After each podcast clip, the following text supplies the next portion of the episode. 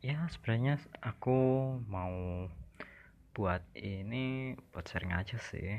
Um, ya sering baca-baca buku tidaknya mau berbagi buat teman-teman yang mungkin belum baca buku-buku yang aku telah baca sih.